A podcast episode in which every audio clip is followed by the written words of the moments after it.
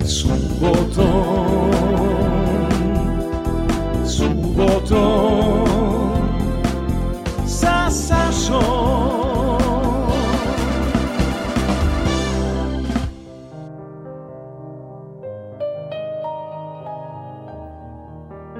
Dobro jutro, dobar dan, jedna specijalna emisija posvećena Jugoviziji. Euroviziji, mi je Jugovizija, to vam je bio jugoslovenski izbor za pesmu Eurovizije. Verovali ili ne, punih 40 godina je od tog trenutka kada sam ja u studiju M gledao Jugoviziju, tada je otišao Daniel sa Đuli, a hit pesma je bila Sitnije, cile sitnije, pokaži mi najbitnije od Lepe Brene, a Baby Doll je pevala Rudimo. Još jedan jubilej. Pre 20 godina sam bio u žiriju uh, nulte Beovizije i tada je pobedio Toše Proeski. Nismo slali našeg predstavnika, ali Toše je pobedio sa pesmom Čija si. Dakle, svi mi žirija, jako zanimljiv, interesantan žiri, Tanja Banjanin, Bogica Mijatović, Sanja Ilić, svi smo dali Tošetu maksimalne poene, a onda su mene kritikovali. Znate li zašto su me kritikovali? Zbog toga što sam dao Ani Nikolić osam poena za jednu fenomenalnu pesmu Deda mraz u letu ostavlja kaznu za parkiranje. Jao, Anči, Anči, kakva si bila. Romale, Romali, što bi rekla sada An, Ana Nikolić iz ove istorijske perspektive. Bilo nam je lepo. Zašto je zanimljiva ova emisija? Mi danas imamo dva komentatora. Prvi komentator je moj ton majstor, kolega Damjan Šaš i on će pokušati iz ugla mlađe generacije da odbrani savremeni Eurosong koji se meni naravno ne sviđa, ali šta da vam kažem, s obzirom da se ja počeo radi u Novom Sadu, još te godine kad je Daniel, mislim, počeo sam da, da, da volontiram kad je Daniel pevao Čuli, znate li vi kad je bila ta 1983. godine stvarno ovaj ne mogu da se složim sa gospodinom Šašom da nam je predstavnik bio odličan. Po meni harizme nula poena, mada smo se kolega Šaš i ja složili da umetnica mora biti zdrava. Potom, posle njega dolazi doktor Vladimir Jeftić, to vam je čovek koji je napravio specijalne majice za format subotom sa Sašom. Ovo što vidite JRT mreže, pa logo subotom sa Sašom po 9. To je dakle napravio Vladimir Jeftić koji trenutno živi i radi u Temišvaru, inače iz Beograda i odmara negde na Jadranu. E, sa doktorom Vladimirom, fenomenologom opšte prakse, iako on doktor medicine, pričat ćemo o jugovizijama. Koje? Da li, je, da li su te pesme bile bolje nego ove sada? Dakle, spremite se za jednu zanimljivu emisiju. Ovaj moj ton majstor Tomislav Tomov, kako beš ono DJ, DJ? DJ? Prince? Prince? jedan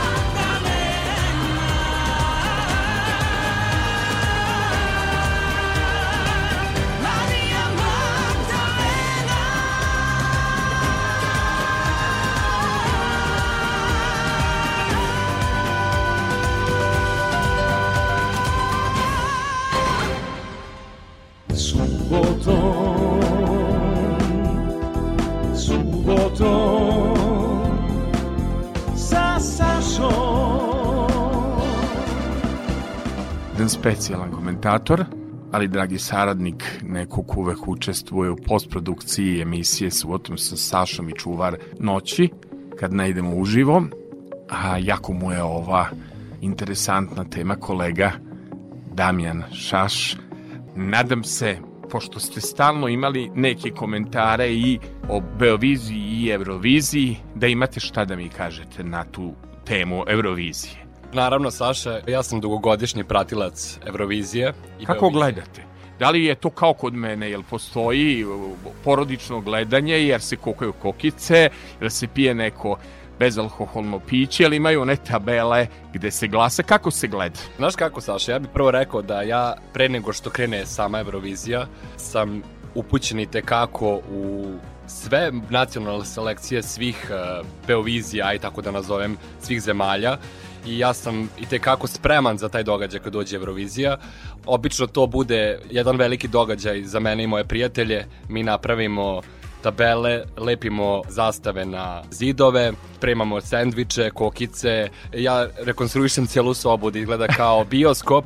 Tako da u suštini to bude jedan veliki događaj. Ja jedva čekam svake godine da tu napravim jedan pravi luksuzni događaj za sve nas. Jel postoji interna kladionica, koliko ste tačni? Sad računamo ovi navijači e, pa koji sad su uvek, bili, da. jel, koliko ste vi bili precizni koliko si ti Damjane bio precizan ove godine, kako bi prošao na kladionice ono, da si se kladio? Iskreno da vam kažem, mi smo pogodili ko će pobediti, tako nekako su glasovi ispali od svih nas.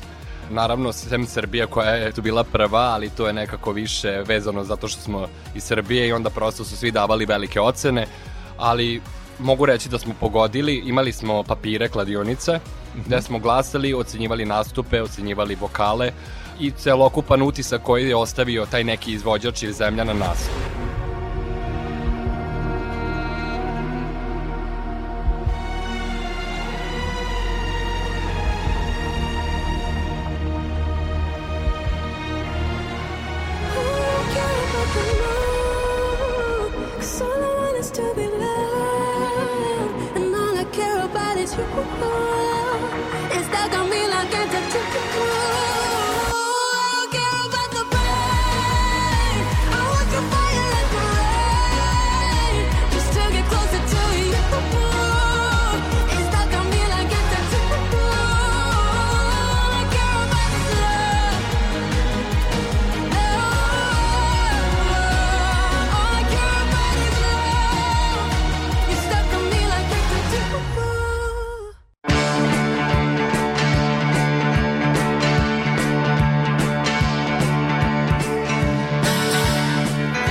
Je slučajno sada pobeda Švedske? Mnogi imaju teoriju, ja sam to u svojoj kolumni u Dnevniku napisao da nekako je bilo očekivano da bude Švedska zato što se sledeće godine navršava 50 godina od nastupa grupe ABBA i pesme Waterloo.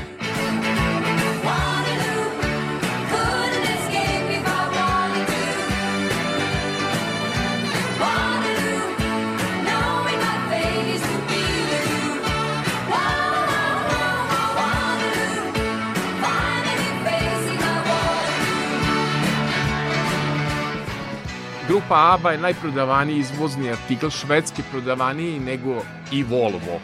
Da li e, se slažete sa mnom kolega da ima tu teorija da se nameštala pobeda Švedskoj ili je pesma toliko dobra i pobednica pa...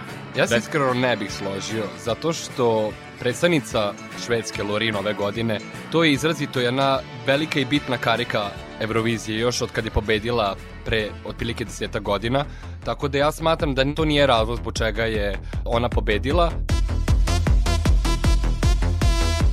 Kad neko hoće drugi put da pobedi, on ili šalje e, Johnny Logana ili šalje nekog ko ima evrovizijskog iskustva. Vidite, e, po glasovima publike Lorin ne bi bila pobednica Eurovizije, nego Finska.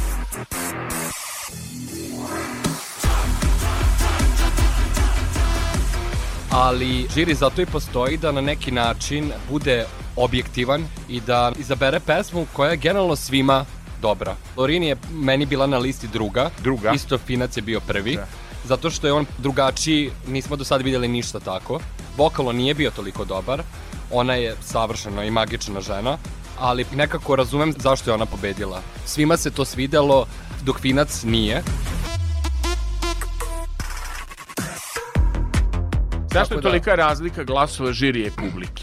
I na, čini mi se, Beoviziji i na Euroviziji. E, pa Jel s- postoji razlika glasova? Postoji ogromna razlika glasova, ja se sa time nažalost ne slažem. Prvih pet pesama po žiriju treba da bude približno jednaki rezultati, jer e, mislim da publika treba da bude ta koja će presudno da odluči ko će da bude pobednik. U ovom konkretnom slučaju, nažalost, nismo imali prilike da bilo koja druga zemlja pobedi u odnosu na Lorinu što se tiče žirija, jer prosto je imala toliko više glasova od drugog mesta da niko nije imao šanse da je stigne. Iako je Finac ovaj put imao 100, čak 120 nešto bodova više nego ona po glasovima publike, ali nažalost žiri je tako odlučio. Ne kažem da je to bila neka pogreška, ne kažem da njena pobeda nije zaslužena, ali smatram da je ipak publika trebala da bude ta koja će presudno da odluči ko će da bude pobednik. lähden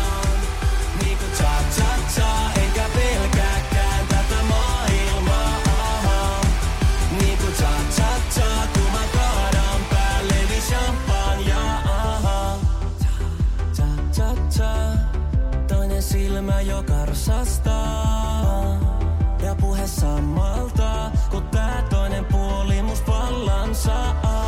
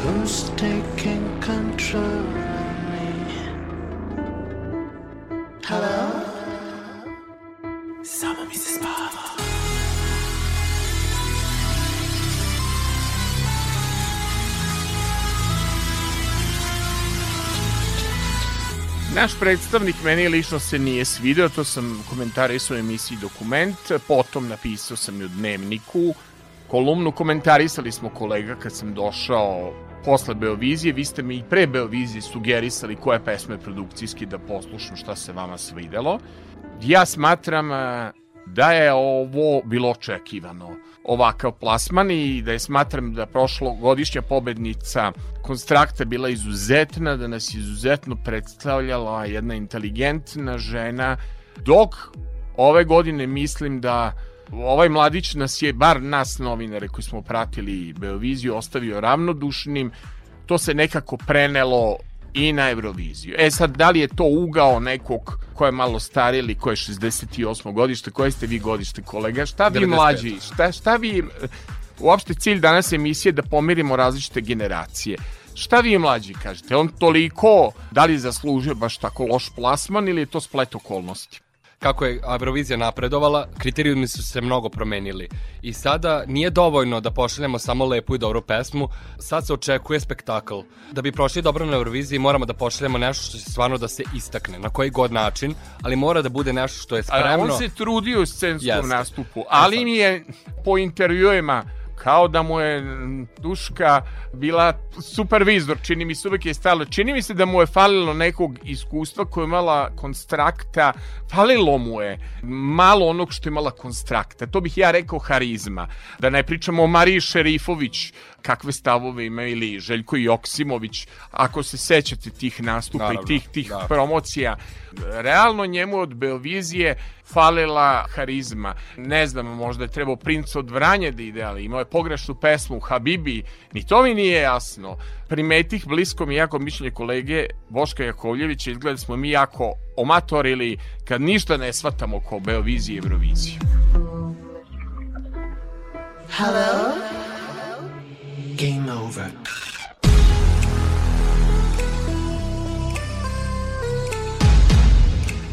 Znate kako, Eurovizija je poprilično ozbiljna bitka sada i uh, slanje bilo koga na Euroviziju donosi sa sobom veliki teret zato što taj neko mora da se dopadnite kako publici. Njih je 26 tamo koji ulaze u finale, 37 ih je bilo ove godine na samom početku. Jako je teško da taj neko odskoči. Pesma se poprilično svidela Evropi, po onome što sam ja pratio i čitao. Dobro. Ali jednostavno bilo je mnogo, što kažete, harizmatičnih ljudi. Nije mogla da se probi u odnosu na neke izvođače koji su uzeli glasove između sebe. Je se komšijski glasalo ove godine? Je se glasalo politički? Kakva je vaša analiza?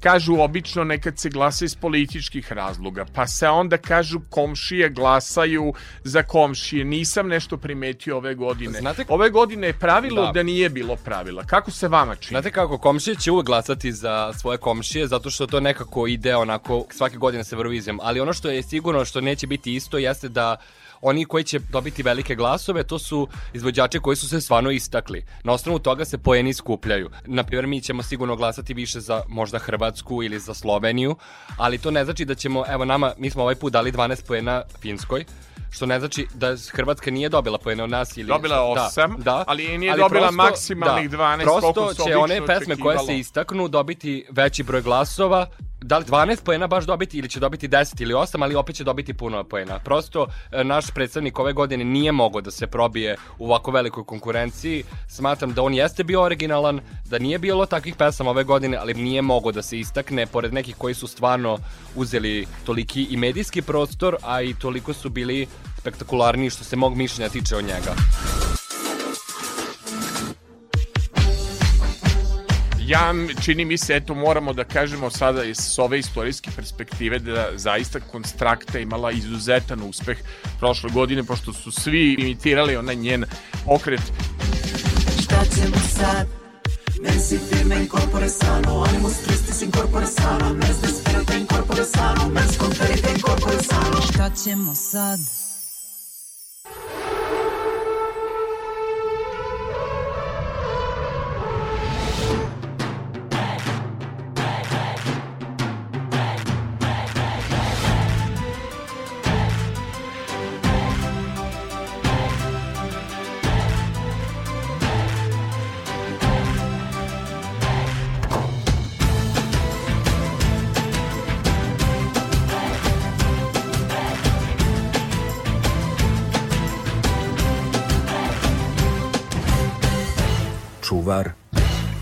Noći.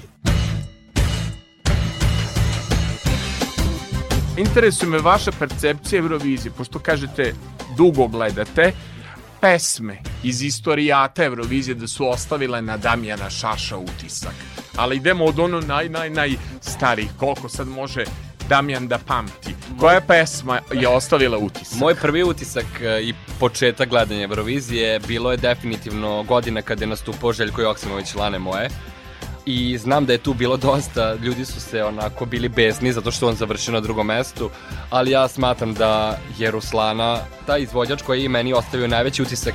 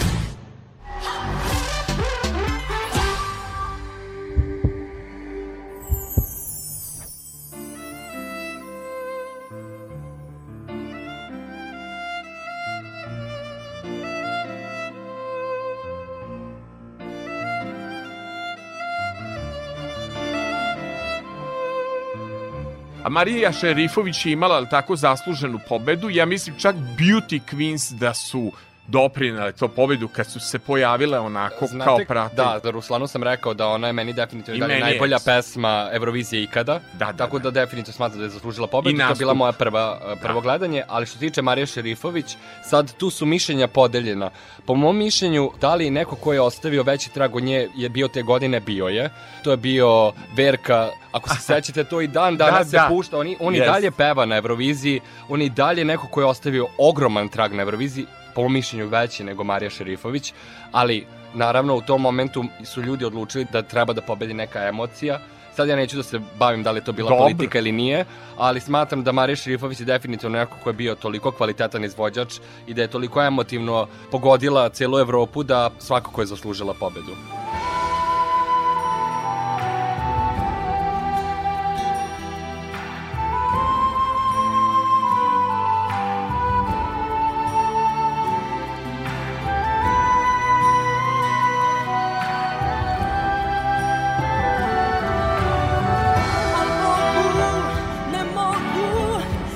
This.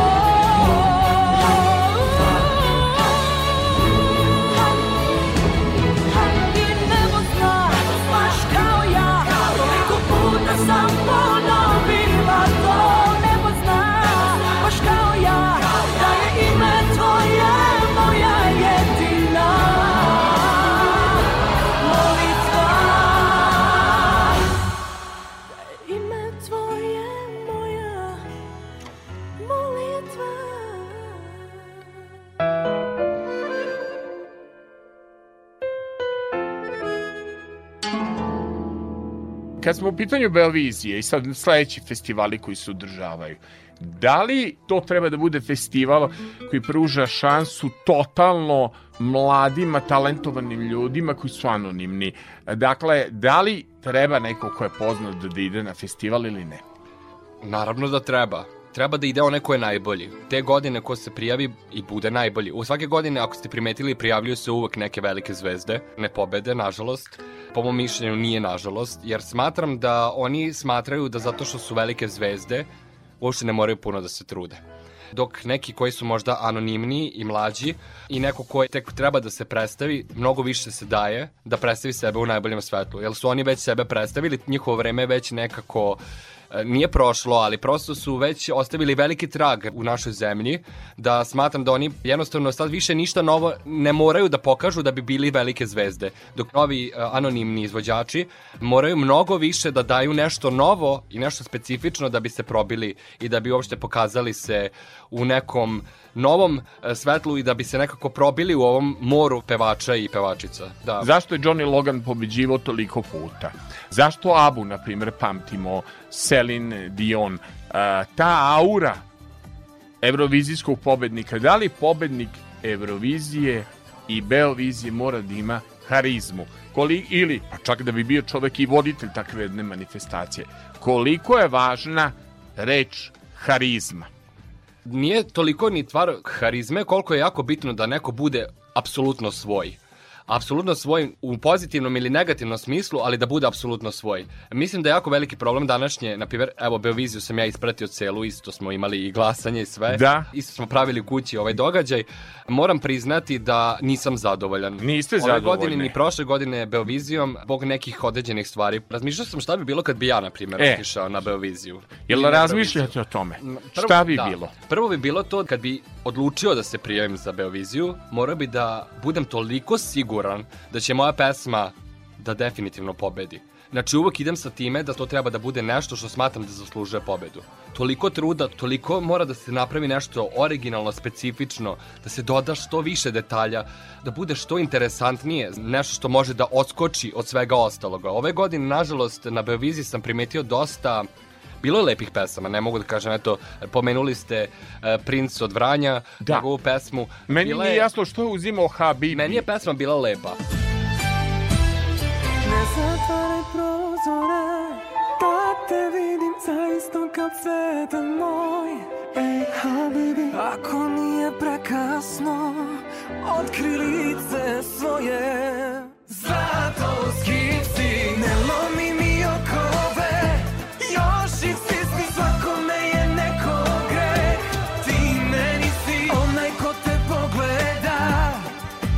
Imaš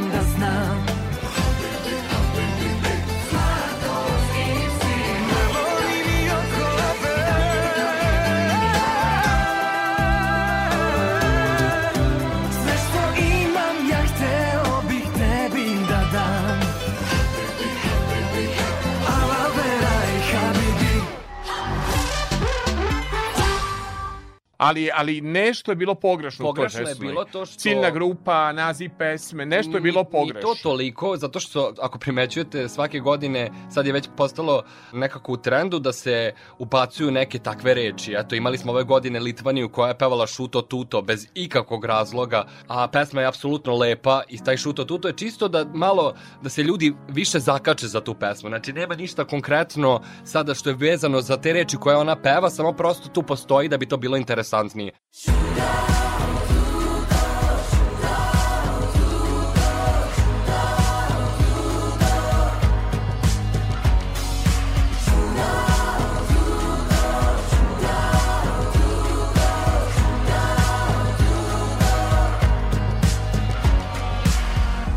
To nije toliki problem. Problem je u tome što, na primjer, Princ od Vranja, koji je eto, dobio najviše glasova publike, smatram da njegov nastup nije bio dovoljan. Većina ljudi ove godine na Beoviziji, nažalost, nisu imale dovoljno nastupe propraćene svojom pesmom. E, vidim da ljudi odluče da pošalje neku pesmu, a ne znaju da tu pesmu izvedu na pravi način. Ne može tako, prosto mora da se da maksimum, da ono što oni pevaju, da to predstave u totalno svom i najboljem svetlu, da to bukvalno bude toliko dobro i spektakularno. Nije problem toliko ni u pesmama, bilo je dobrih pesama. Samo nastupi nisu pratili njihove reči koje su oni pevali, nisu pratili njihov lik. Ne može to tako. Znači moraju da naprave pesmu koja će pratiti njihov karakter, njihovu harizmu i njihov osjećaj ka muzici. Ako se to ne desi, ne možemo A, da dobijemo bude bledo i onda ne, ne, ne dođe do publike, imamo ovaj Tačno. rezultat koji je Zato bio. sam ja i navijao za Luke Blacka ove godine, samo iz razloga zato što mislim da je jedini ove godine koji je svojim nastupom i time što je hteo da pokaže predstavio svoju pesmu. Da li on nešto što ja privatno slušam? Nije. Evo, nikad ga nisam pustio. Da. Ali da li sam smatrao da treba da pobedi? Smatrao sam. Zato što te reči koje on peva, taj nastup koji ga je propratio, to je bilo toliko detaljno, toliko truda uloženo. On je, koliko sam čuo, i sam pravio neke skulpture. Sad, da li se to nekome Da. lično svidelo ili ne, to je Do, nešto. do drugo. nas, eto, pojedinaca nije doprlo, evo mene koji sam svake godine, ovaj, do mene nije doprlo i odmah je bio i taj komentar kad sam išao na, na Beoviziju, kad smo u montaži komentarisali posle u post produkcije emisija.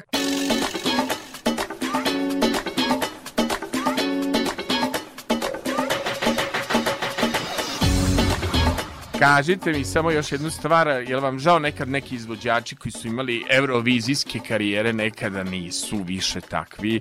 Ana Nikolić je bila baš model za Euroviziju Romale, Romali, a sad možemo samo da kažemo bilo nam je lepo. Nekada davno. Kada je Ana Nikolić e, nas, nastupala na Euroviziji, ja sam bio oduševljen time. Ja sam bukvalno kupovao časopise. Jel tako? Novine, samo sam. da bi video ovaj... e, Njene styling da, je- Zato što tad nije bilo interneta toliko i nije Da. bilo, ovaj, nismo mogli toliko da vidimo ni taj nastup. Ja sam čekao na televiziji, na primjer, kad će da izađe njen nastup, zato što je bilo tipa, na nekom kanalu je bilo bukvalno da su vrteli te pesme sa Beovizije i onda sam samo čekao da njen nastup dođe. Jest. Sad kad gledam, kad pogledam sada njen nastup, uh, rekao bih da to sad nikako dobro ne bi prošlo, definitivno nije dovoljno. I uh, Romale, Romali, Da. ta, takav nastup sada u ovim vremenima Naravno, nije ne bi, dovoljno. ne bi, ne bi bilo dobro. Vremena su se promenila, ali Apsolutno. tako, Eurovizija traži spektakl Traži prosto spektakl. Na koji i god ni jedan, ni jedan minut nije preteran.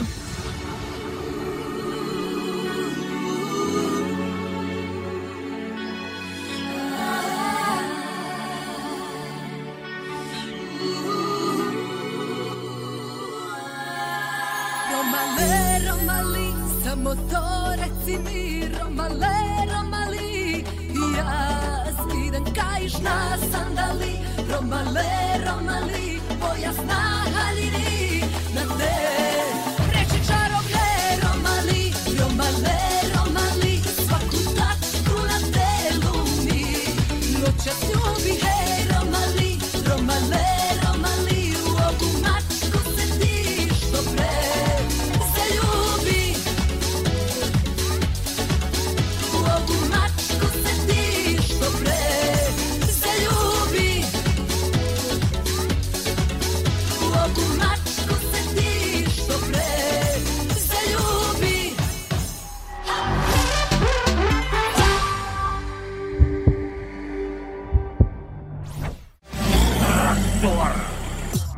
Jesu li Let 3 nekad su se delovali prenapadni, da, da, da, da budu u prvom planu, preekscentrični, pre, za moj ukus, prešli su tu crtu.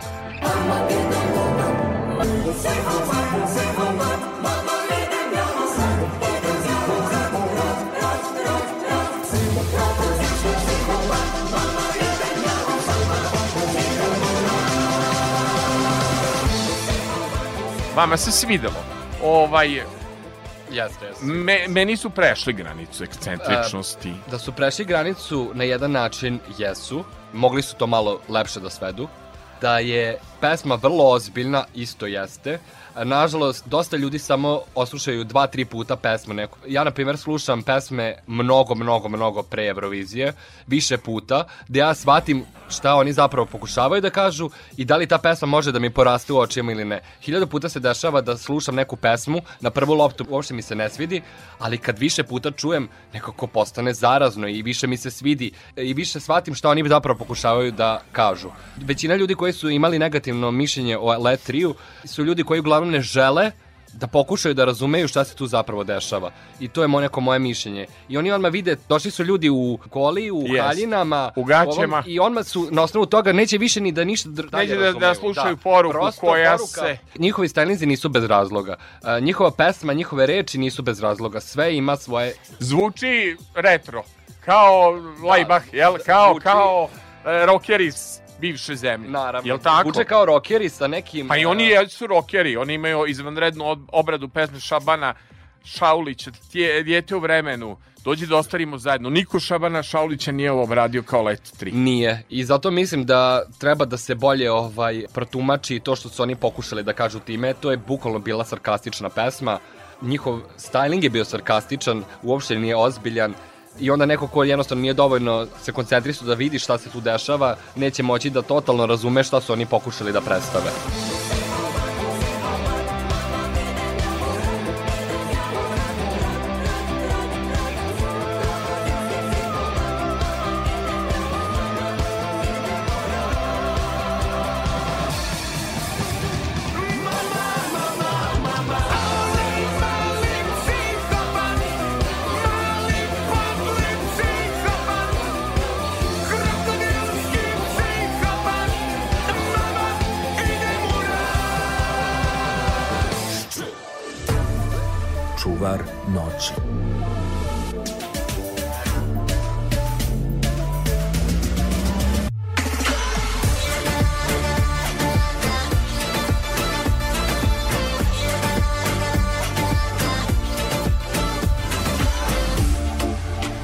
Li je po vama i dalje Eurovizije bitan medijski događaj? To je bio uvek festival koji je imao najviše prenos gledalaca u svetu ili mislite da polako Eurovizije u svetu muzike, show biznisa gubi svoj značaj? Ja mislim da je Eurovizija sada do, opet došla do jedne zlatne ere. Gde su ljudi počeli ponovo da se i tekako bave Eurovizijom. Opet se vratila. Nekako u Srbiji jedno vreme nije bila toliko aktualna. Ja sad primećujem da su sad ljudi opet počeli da budu od pojave Hurricane-a, da od tada se nekako podigo opet, e, podigla želja za gledanjem Eurovizije. Zato što smo očigledno počeli da šaljemo nešto malo drugačije Jesmo nego li inače. pre Hurikanki Hurricane imali anemične predstavnice? Ja se sećam, ja moram da kažem, na primer, poslednjih pet godina ne, ne bih mogu da vam pobrojim ko je učestvovao na Euroviziji. Neko vreme smo slali osobe bez dovoljno harizme da ostanu upamćene i tek hurikankama, ja ih tako zovem, a da vi to kažete, kako će kažete huriken, onaj tek su s njima, malo nam je krenuo taj jedan adrenalin. One, two, girls, come on.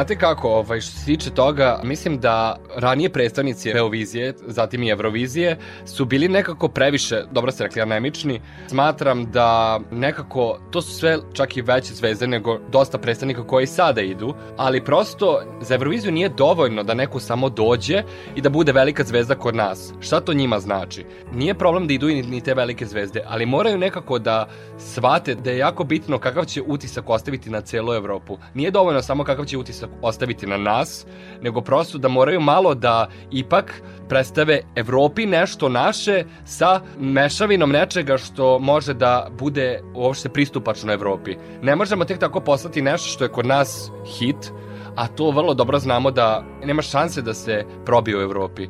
Mislim da svaka zemlja ima svoje neke predstavnike koji su prosto popularni u svojoj zemlji, ali jednostavno nisu svi spremni za Euroviziju. Za Euroviziju ne možemo samo da dođemo i da pošaljemo neku lepu baladu koja je super za naše prostore, ovako da je slušamo u kolima ili da je slušamo nekada kada nam dođe da je slušamo, ali nije dovoljno. Ne možemo poslati samo lokalnu pesmu, to Da, ne možemo poslati pesmu koja je samo lokalna. Prosto moramo da pošaljemo nešto što predstavlja i nas, a što će da razume Evropa. Eto.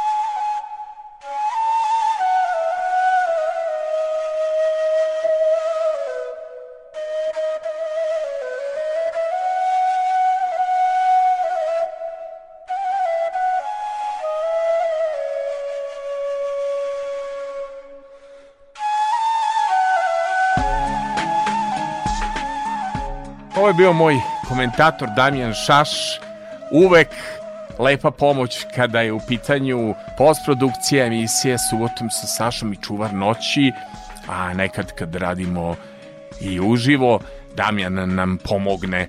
Ovog puta je bio komentator Damjane, hvala puno i čekamo sledeću Beoviziju i Euroviziju. I da se ne iznenadimo ako slučajno se možda kandiduješ ili neko od tvojih da se- prijatelja. Da se iznenadite, ovaj, ako budem se prijavio, kad tad nam se vašoj podršci. Evo podrška, da mi smo doći, da me već- pratite i gledate. Mi i smo da već me- lajkovali par nekih fotografija Eto. umetničkih ovde s radio televizije Vojvodine, bilo je tu par nekih fotografija novih, da se nešto menja imidž, kao da spremate pesmu Damjane za Evo, ako Beoviziju. odlučim da se, da se prijavim, to će biti, verujte mi, spektakl, odmah da najavim, to nema šta. Nema šta, Daću imate sve maksimum, spremno. Toliko ću se spremiti da idem samo na pobedu uvek, apsolutno. Eto, um, treba slušati glas mladih, ovo je bio Damjan Šaš, naš komentator i ton majstor mojih emisija. Hvala Damjane.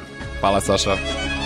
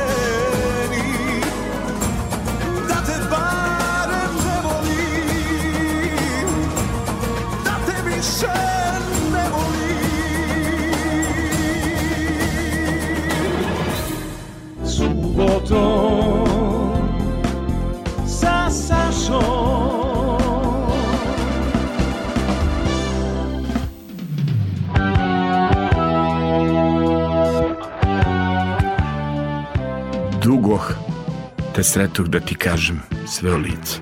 Kratko izvini neke intimne sitnice. I ond, ničim izazvan, pojavi se čovek koji je pomogao da se formati subotom sa Sašom, pa i čuvar noći, prošire po društvenim mrežama.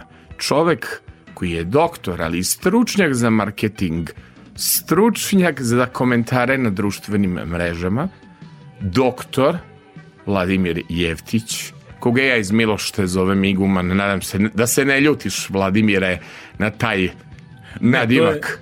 To je već ustaljena praksa između nas dvojce i onda se odmah zna kad se pomene ko je. Dobro, moram da ti kažem, ako postoji tajna, da sam dominirao i na Beogradskom proleću i na Beoviziji, ja to zovem Beovizija, mada je to srpski izbor za pesmu u Euroviziji, to su tvoje majice.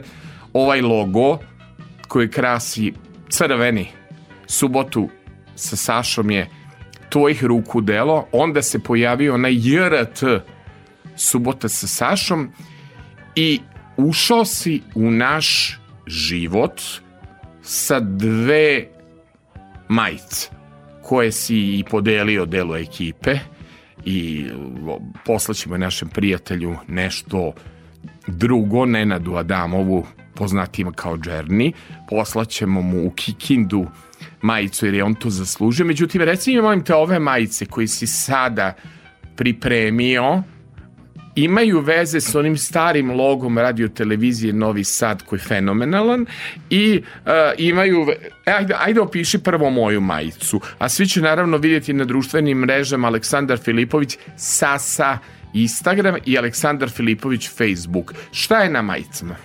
Ideja je bila da e, nekoga poput tebe, koji je prepoznat kao kao glavni hroničar takmičenja za pesmu Eurovizije, ne samo hroničar, nego sad već godinama i glavni komentator, brendiramo Eurovizijski, da, i na e, prednjoj strani majice na grudima se nalazi stari Eurovizijski logo, to su one prskalice, a u sredini se nalazi, a šta drugo nego stari logo Jugoslovenske radio televizije, odnosno JRT.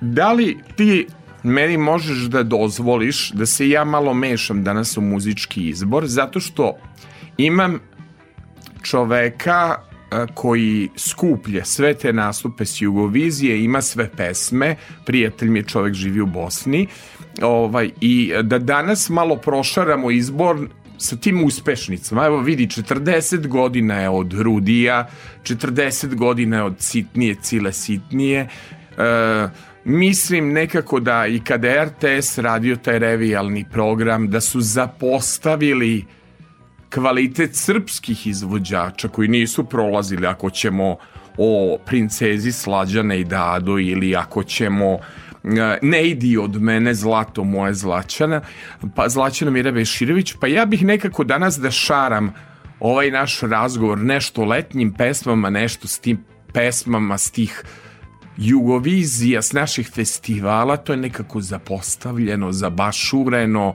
ne vodi se računa koliko smo mi apelovali, ako se sećaš, nadležne, jer se slažeš da bude to muzika prošarana. Kada si ti u pitanju i kada rešiš da u potpunosti uređuješ muzičku emisiju, ja nemam nikakav problem. Dobro. Niti sumnje. A inače, slažem se sa tvojom konstatacijom, uh, mi imamo, mi imamo i Rudija, ali imamo i Brazil, jel? Jest. Uh, I nekako se na to zaboravilo, onda se setimo nekoga tek kada se jel uh, nešto nemilo dogodi, ali Jest. treba održavati tradiciju na drugačiji i, i način. tužno je kako smo, ne znam, oprostili se s Lolom Novaković, govorio si često o tome, e, tužno je odlazak Miki Jevremovića kako je do, došao u nekom trenutku, a ti i ja smo imali jednu veliku želju i sigurno će biti neka od pesma Đorđa Marjanovića, ti si jedan njegov veliki fan, tako da ćemo nešto prošarati iz e, repertoara Đorđa Marjanovića i Vojkana Borisavljevića, koga si poznavao, koji je imao lepa mišljenja o tvojim tekstovima, o tvojim kolumnama, ja i uvek, iako je kad imate problem sa zdravljem samo pitate našeg doktora Vladimira ako imate problem neki druge prirode, opet pitate našeg doktora Vladimira, dakle čovjek koji jako voli Novi Sad. Evo, sad ćemo pustiti malo par pesmica po mom izboru, jer znate kakvo je ovo vreme, čisto mi kažu Saša, toliko je dobra muzika u ovim tvojim formatima, daj, puštaj, puštaj, hodajuća si enciklopedija. Imamo na malo, na par nekih lepih pesama, pa Vladimir i ja nastavljamo razgovor.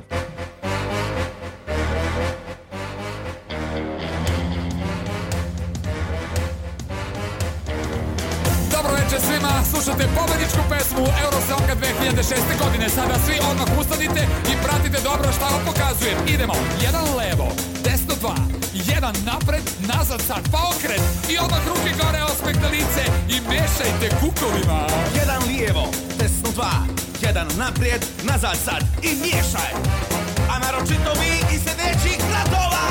Paris, London, Lissabon,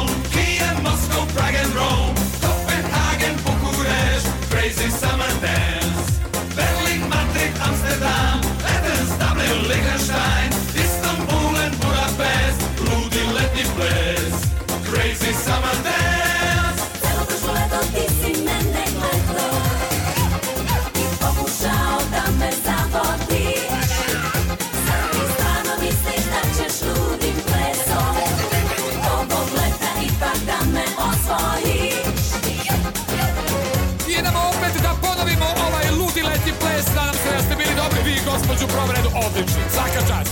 Idemo još jedan put. Jedan levo, desno dva, jedan napred, nazad sad, okret. Ruke gore, osmeh na lice i mešaj kukovima. Jedan lijevo, desno dva, jedan naprijed, nazad sad i odmori. E, dosta je od nas. A ti, Evropo, miješaj! Paris, London, Lissabon, Kiev, Moscow, Prague and Rome,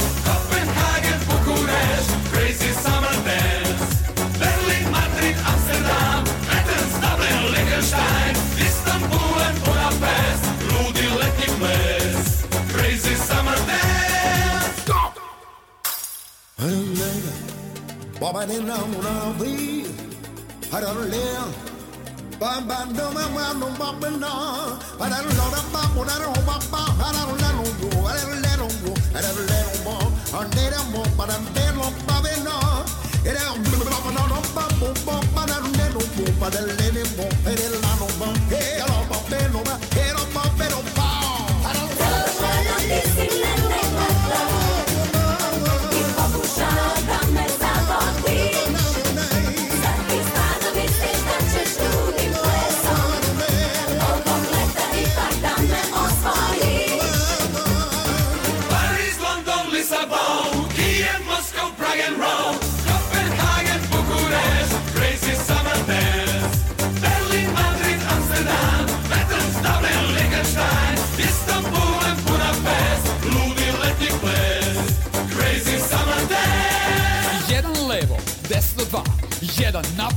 nazad sad i stop.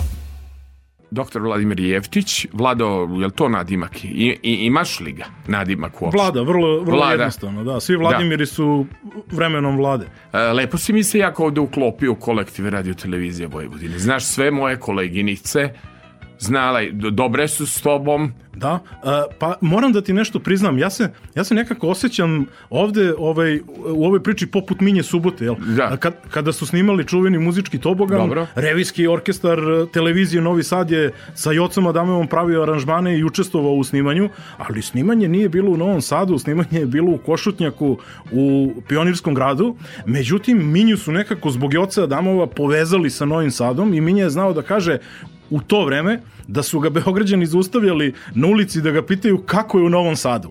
A on kaže, hvala na pitanju, ne znam, bolje bi znao kako je u Beogradu. Ali ja se zato, ja se stvarno uvek ovde kod vas osjećam kao domaćin, a ne kao gost. Vidi, e, od, od kako si ti došao i to je bila jedna fantastična emisija kada si bio sa Milanom, ovaj, e, tada smo bili tematski, uključio nam se i Vlada Grajić, desio se jedan fenomen.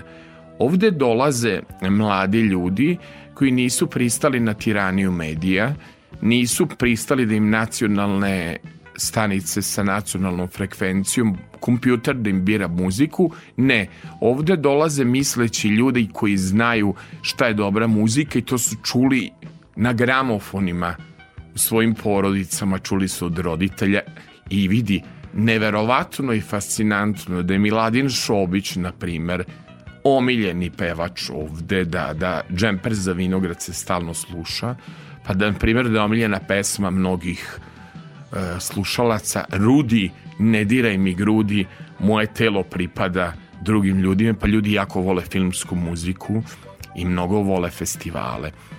Jako nam je bogata istorija Vladimire popularne muzike, ali čini mi se da mi to ne baštinimo dovoljno koliko mi kvaliteta imamo. Nismo se mi odužili ni Korneli Bati Kovaču, nismo se odužili ni Marini Tucaković, a nismo se ni, duži, ni odužili Vojkanu Borisavljeviću, jer se slažeš sa mnom. Svaki čuvar noći mi je in memorija, znači e, in memorija, znači nije bilo da je bila nedelja da neko od velikana nije otišao. Od Masima Savića do e, Radoslava Grajića pričam ti svaka nedelja sam ja morao da imam neko sećanje, ali vidi šta je problem i to gledam, poredim se susedima. Ne umemo ne umemo da cenimo, ne umemo da napravimo sećanje za velikane kao što su Čika Graja, Čika Vojkan, Bata Kovač. Ne umemo ili nećemo. Kaži mi u čemu je problem. Umemo, ali nećemo. E, ne bi, to. ne bi teo da sada zaboravimo i čuvenog Zorana Simjanovića. Apsolutno, hvala ti, nam, to ćemo sve garnirati kroz... kroz... Da, i uh, nekako, nekako ljudi iz, iz našeg okruženja to, to ovaj, više baštine, svoju, svoju prošlu baštinu, jel? Uh, da ne pominjemo sad, sad te neke, neke emisije koje asociraju na audio kasete jel, sa, jednom, Yes. sa jednom i drugom stranom i tako dalje, ali ovaj, a, mi prosto kao, kao da želimo da pobegnemo od onoga što je, što je bio kvalitet, ali kvalitet se ne može zaboravom, smišljenim zaboravom ubiti i on živi večno. Znači, Rudi je i danas toliko aktuelan. E, Brazil je aktuelan. Hoće, hoćeš li, evo, evo, prilike ovo uz pozdrav prema našem dragom uh, prijatelju, drugu u kome smo učestvovali na promociji njegove knjige poezije, vidi 40 godina od kako sam ja bio dete u studiju M gledao sitnije, cile sitnije, Daniel je pobedio sa Đuli, to je 40 godina. Da ne pričam koliko je godina prošlo već, već su krenula je raspad Jugoslavije i onda ekstra nena je bila naša poslednja, da kažem, predstavnica, ali kada pričamo o Beovizijama, čoveč, pa 20 godina od Tošeta Proeskog i pesme Čija sili pojavljivanje Ane Nikolić u zlatnim čarapicama i pesme Januar, Januar. Svi me pitaju što si dao Ani Nikolić šest poena. Što sam dao? šta je ona mogla da je znala na Euroviziji da uradi s Janorom ili s Romalerom, ali, ali nije znala. I vidi kako mi baštinimo, ajmo kro- kroz tu istoriju popularne muzike, šta mi baštinimo, a gde i šta slušamo danas? Ovo danas, to sam s kolegom Šašom radio e, prilog i bit će sigurno u nastavku ovog razgovora reprizirana, a to je, ja sam nazvao, kad sam se našao na e, izboru za pesmu Eurovizije, sam to nazvao Sodoma i Gomora. Uz glumca Marića, uz Draganu Kosjerinu, ja sam bio jedina poznata ličnost tamo. Moram da kažem da je to malo tužno. Malo je tužno da se naš festival uh, evrovizijski pretvorio u takmičenje amatera i vidi, uopšte me ne čudi loš plasman našeg predstavnika. Znači, uh, nije bilo harizme, nije bilo efektno. Vidi, za razliku od njega, Konstrakta je bila jedna mudra žena, žena koja je pre svega i predsednica kućnog saveta, čim radiš tako odgovoran posao. Se slažeš sa mnom Slažem se, da nam meni je je- showbiz otišao u stravično lošem pravcu. Otišao je u nekakav planetarni mainstream, Ali je planetarni, baš si ali u tačno. kopiranju. U kopiranju. I to u zakasnalom kopiranju. Vidi, ve- već mislim da su Let 3 bili kopiranje konstrakta, ako me razumeš. Ono što je ona uradila, a lekar si, s porukom, je umetnica mora biti Zdrava. poruka koja je bila prepoznata, kao što je i Milan Stanković, bez obzira na neki ma- malo lošiji plasman, bio prepoznat.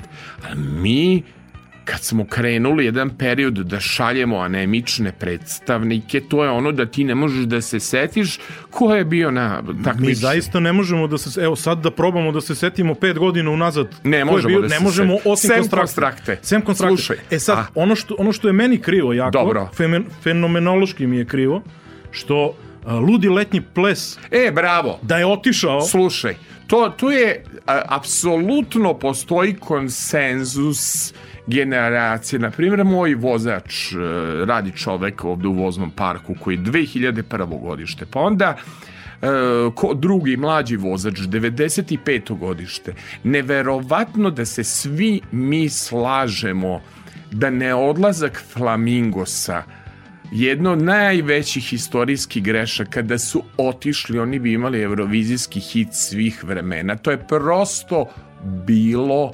savršeno. To je bilo njihovo vreme, to nije bila kopija, to je bilo nešto jako kreativno i, i novo poput konstrakte od prošle godine.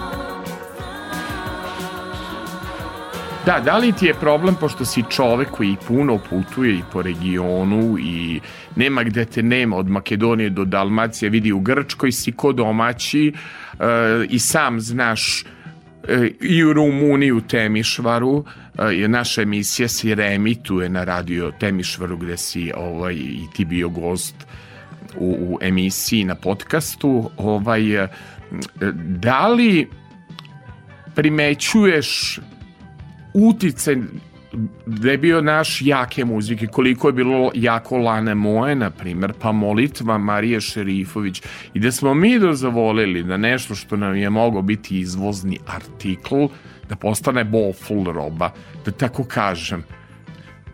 Problem je u kreativnosti i pro, problem je u autorskom liderstvu.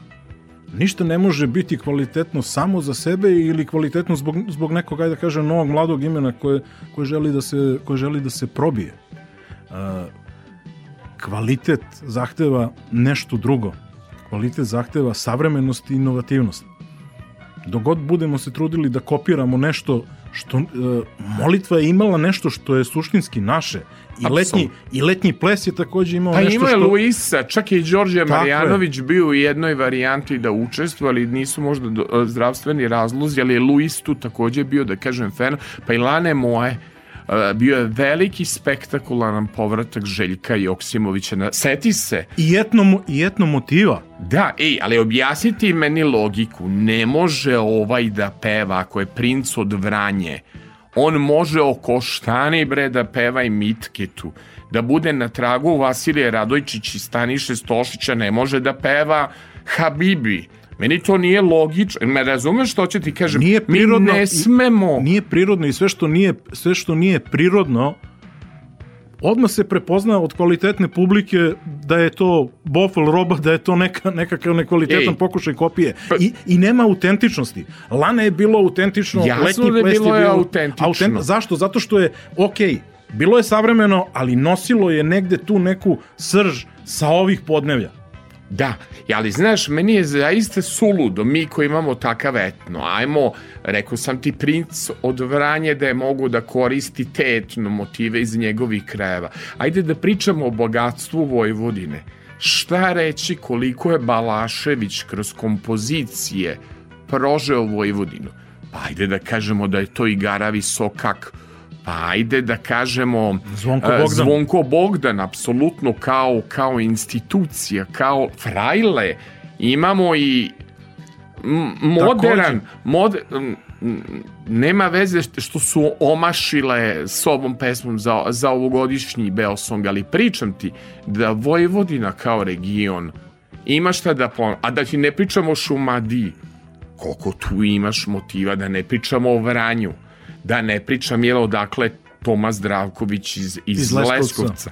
Kakva je ta emocija? Pa da ne pričamo o Beogradskoj urbanoj školi. E, Zašto je jedna sad Dragana Šarić ljudi mole da se ona vrati. Ona se pojavi samo, nije njoj mesto ni njoj, ni Marini Perazić u reality programu. Jel me razumeš? To je otprilike tragedija ono zašto je Marina Perazić pustila suzu uh, kod mene u emisiji tabloid jednom. Kad sam ja došla do toga, to je vezano i za Hrvatsku, kad sam došla do toga, do nekog ko je, ko je završio fakultet, ko je bio seks ikona Jugoslavije, bio kasir, bila je kasirka u Njujorku, kada je ona došla do toga da mora i tamo i ovde da zarađuje novac u reality programu, mi moramo da razmislimo šta smo mi kao društvo radili o našim talentovanim pojedincima i da li smo mislili o njima. Jel se slažeš sa mnom? kolektivna svest po tom pitanju je na jako niskom uh, nivou. I to mene, to mene zaprepašćuje. Ja, ja to nisam sreo nigde drugde nego, nego ovde kod nas. Na nekim drugim prostorima postoji to kolektivno svesno i zna se šta je, šta je kvalitet, zna se šta je ono iz čega se uh, crpe ovaj, uh, crpu ideje, ali uh, mi prosto kao da smo nekako autistični i samo, samo, samo grlimo za nekakvim skandaloznim ovaj, skandaloznim tekstovima, skandaloznim ritmovima. Ili... Ali ne pamti pa, se, pa, pravo da ti kažem, se... ne pamti ne. se. Ovo se pretvorilo u zemlju silikon, silikona, pretvorilo se u zemlju izgleda, nema uopšte duše, nema uopšte Suštine. emocija, baština e, bivše Jugoslavije ili baština srpske muzike je toliko bogata, baština jednog e, Suneta, jednog Miroslava Ilića, Marinka Rokvića, e, Bekute, da, da, da ne, ne brojim o tome da se samo stare pesme puštaju da od ovog novog nema ništa. Evo, slušat ćemo još jedan e, zanimljiv izbor vladinih pesama, malo on, malo ja, malo, mi smo danas vaši DJ-evi, nikad nisi bio DJ ili jesi, priznaj mi. Jesam. Jesi? Da, u, u osnovnoj školi, ali tad je, tad je hit A... bio Hajde da ludujemo.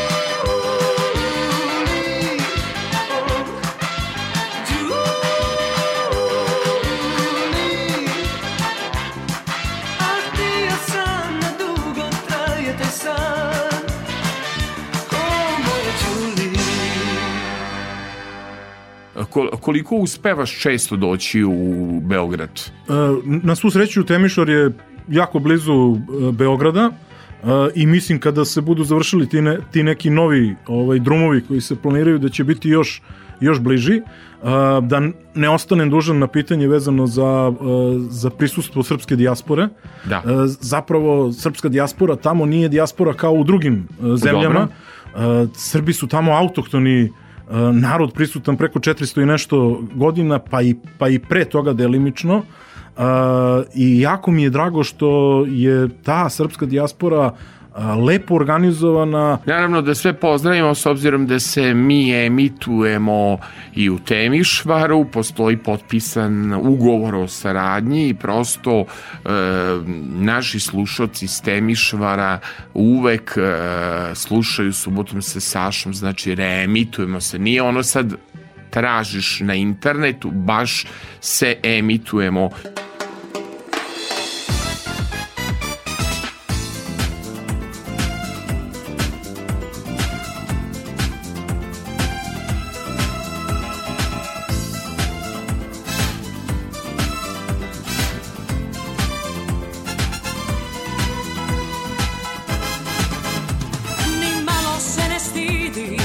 Sam razbila Čašu punu tuge po njenim vratima.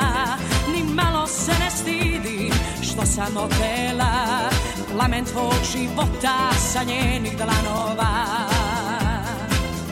Neka pukne od pesa Moje su oči vatrene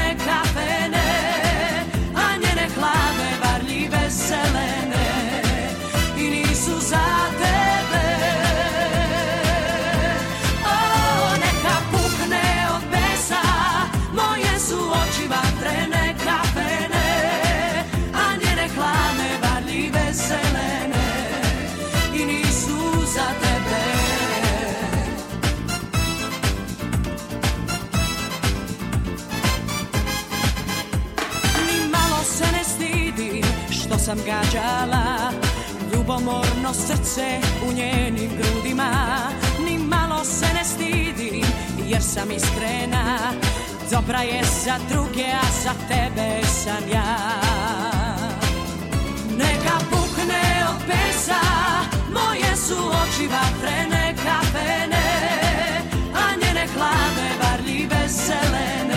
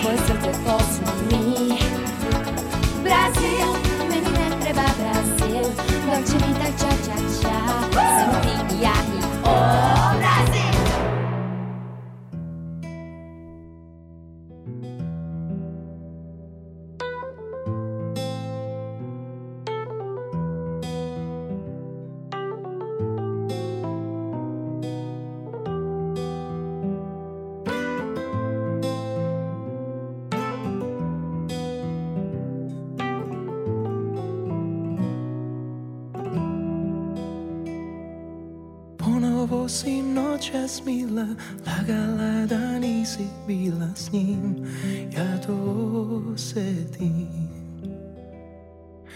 Ponovo su usne tvoje Dah daleko da se boje Da ti ne oprostim Zašto ti je to?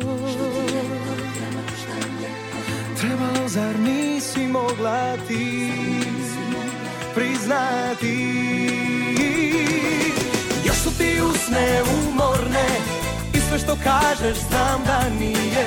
Još su ti suve cipele Na polju znam da ti šalije. Još su ti vreli obrazi U oku sjaj ne prolazi.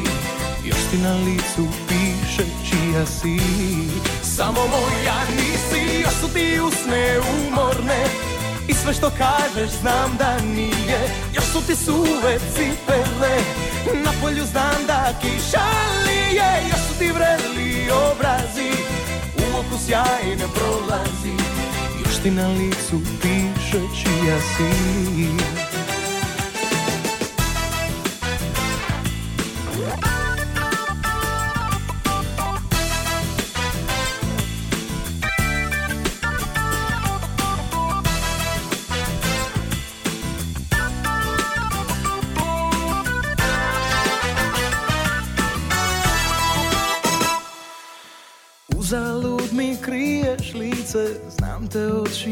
izdajice Sve si odglumila. Isprljana poljubcima Otrovana dodirima Znam da si lagala. Zašto ti je to? Trebalo zar nisi mogla ti priznati ti usne umorne. I sve što kažeš znam da nije Još su ti suve cipele. Na polju znam da kiša lije Još su ti vreli obrazi. U oku sjaj ne prolazi Još ti na licu piše čija si. Samo moja nisi Još su ti usne umorne. I sve što kažeš znam da nije su ti suve cipele Na polju znam da kiša lije Još su ti vreli obrazi U oku sjaj ne prolazi Još ti na licu piše čija si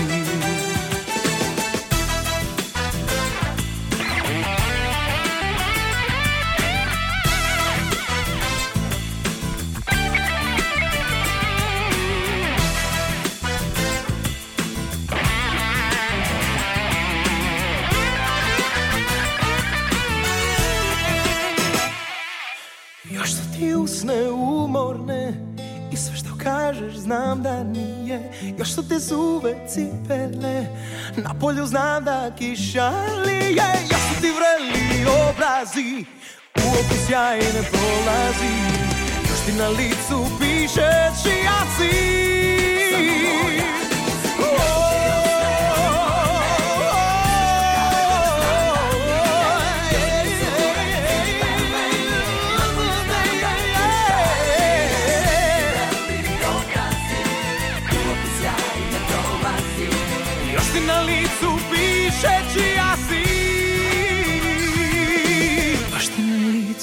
licu piše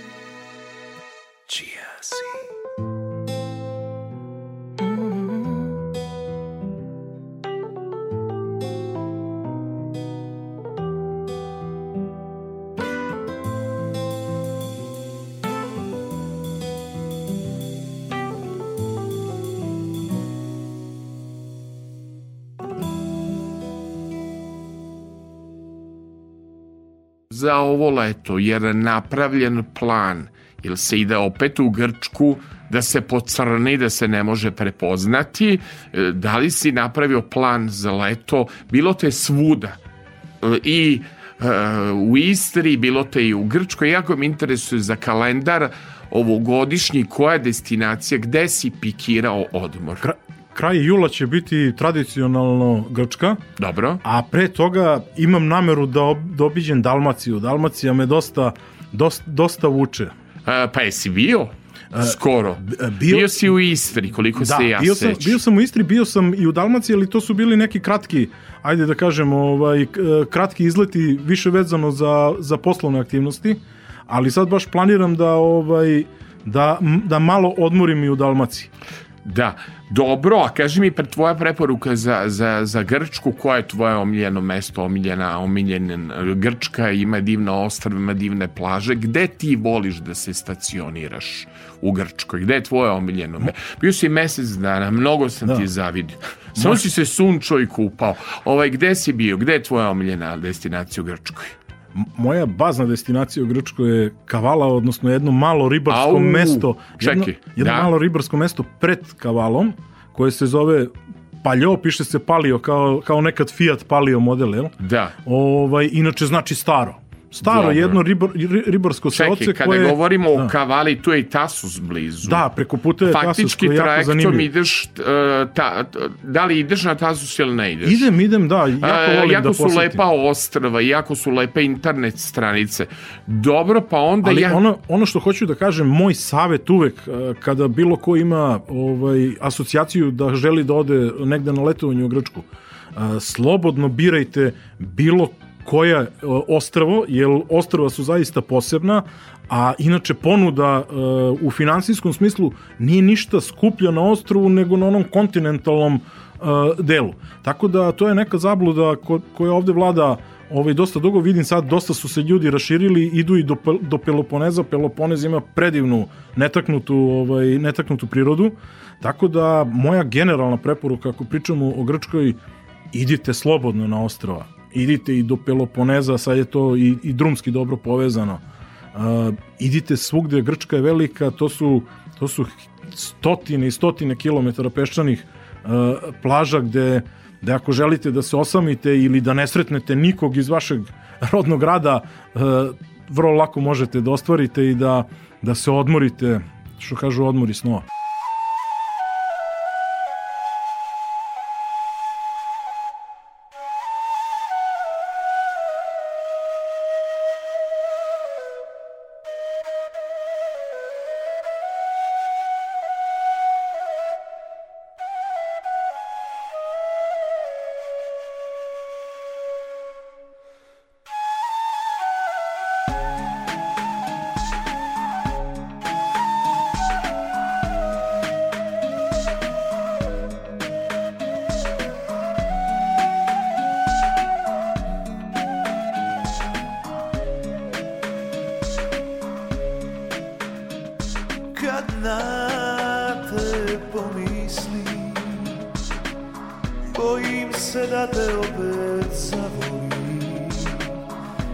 Modre usne zarijem zube Da pravu bol zaboravim Lane moje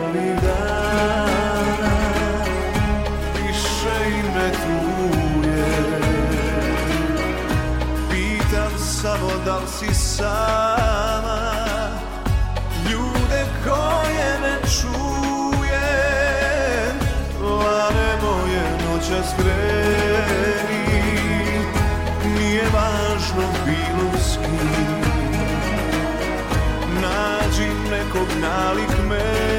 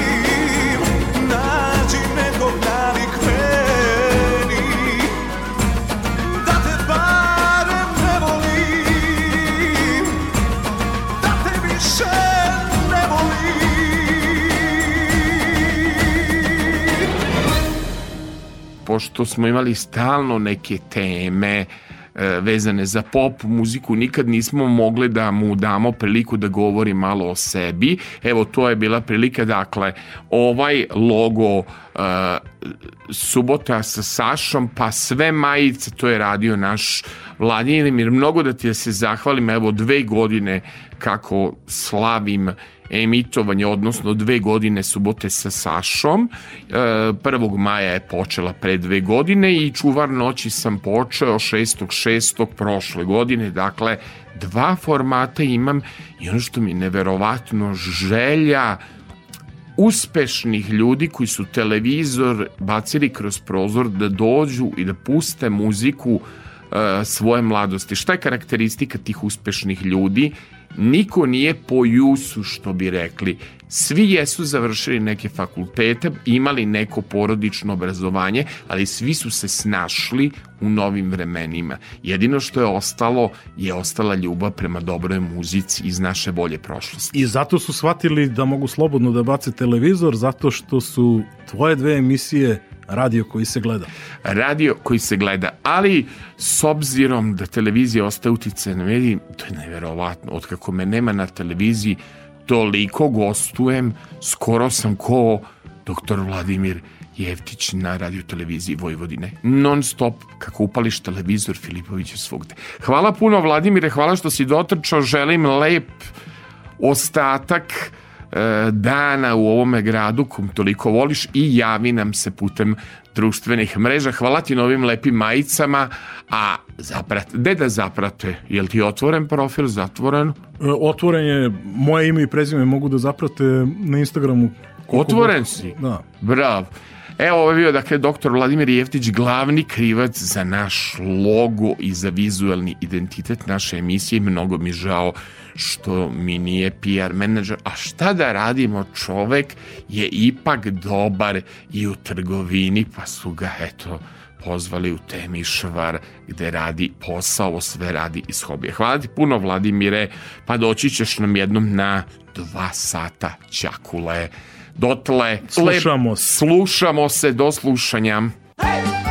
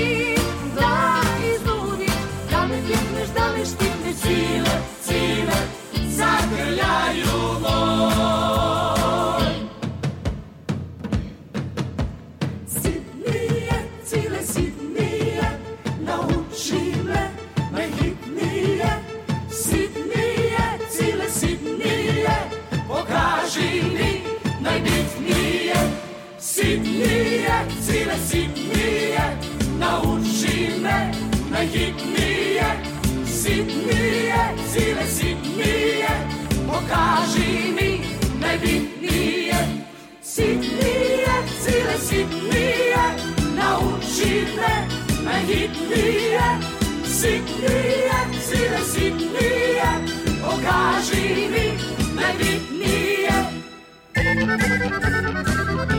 Thank you.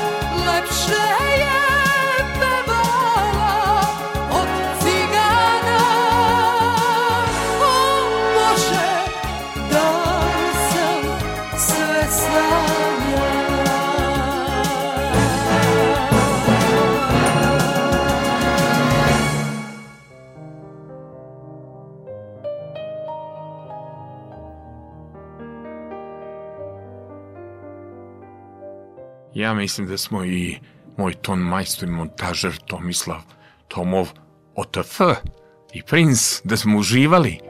A uživali smo zaista, a sada svi mladi da nauče nešto e, dobro, nešto drugačije. Jako su bila teška vremena, vidite kakve su ove oluje, kako se priroda igra sa nama, a sve to citiram story jedan od mladog Tomislava. Sve to nama nauk ljudima šta smo radili sa prirodom pa nam se vraća. No,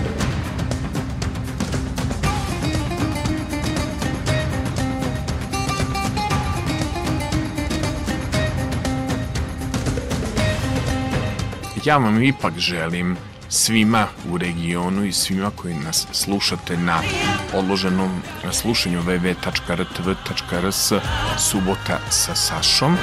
Možete me zapratiti na mom Instagram profilu Aleksandar Filipović Sasa. Zatvoren mi je profil, znam zašto mi je zatvoren namerno, ali kucajte pa ćete dobiti odgovor i naravno možete napisati reakciju na mom Facebook e, profilu. Uvek me obraduje kad čujem da vam se emisija svidela. Šta ćemo mi poželeti za kraj? Pa to mislom ima jedna lepa pesma. Kad je to za tebe, dete, bilo? Pre Hrista, početak 70. godina, pesma je slovenačka i zove se Dan ljubezni, peva grupa Pepele Inkri. I onda ako malo stignemo, pesma grupe Randevu koja je bila 1983. godine na uh, Jugoviziji O ne, Sherry, bye bye Sherry. taman za kraj.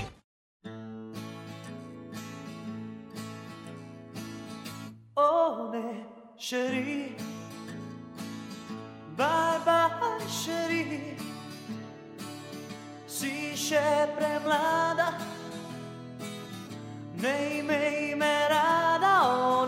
Sheri. Oh, ne, Sheri.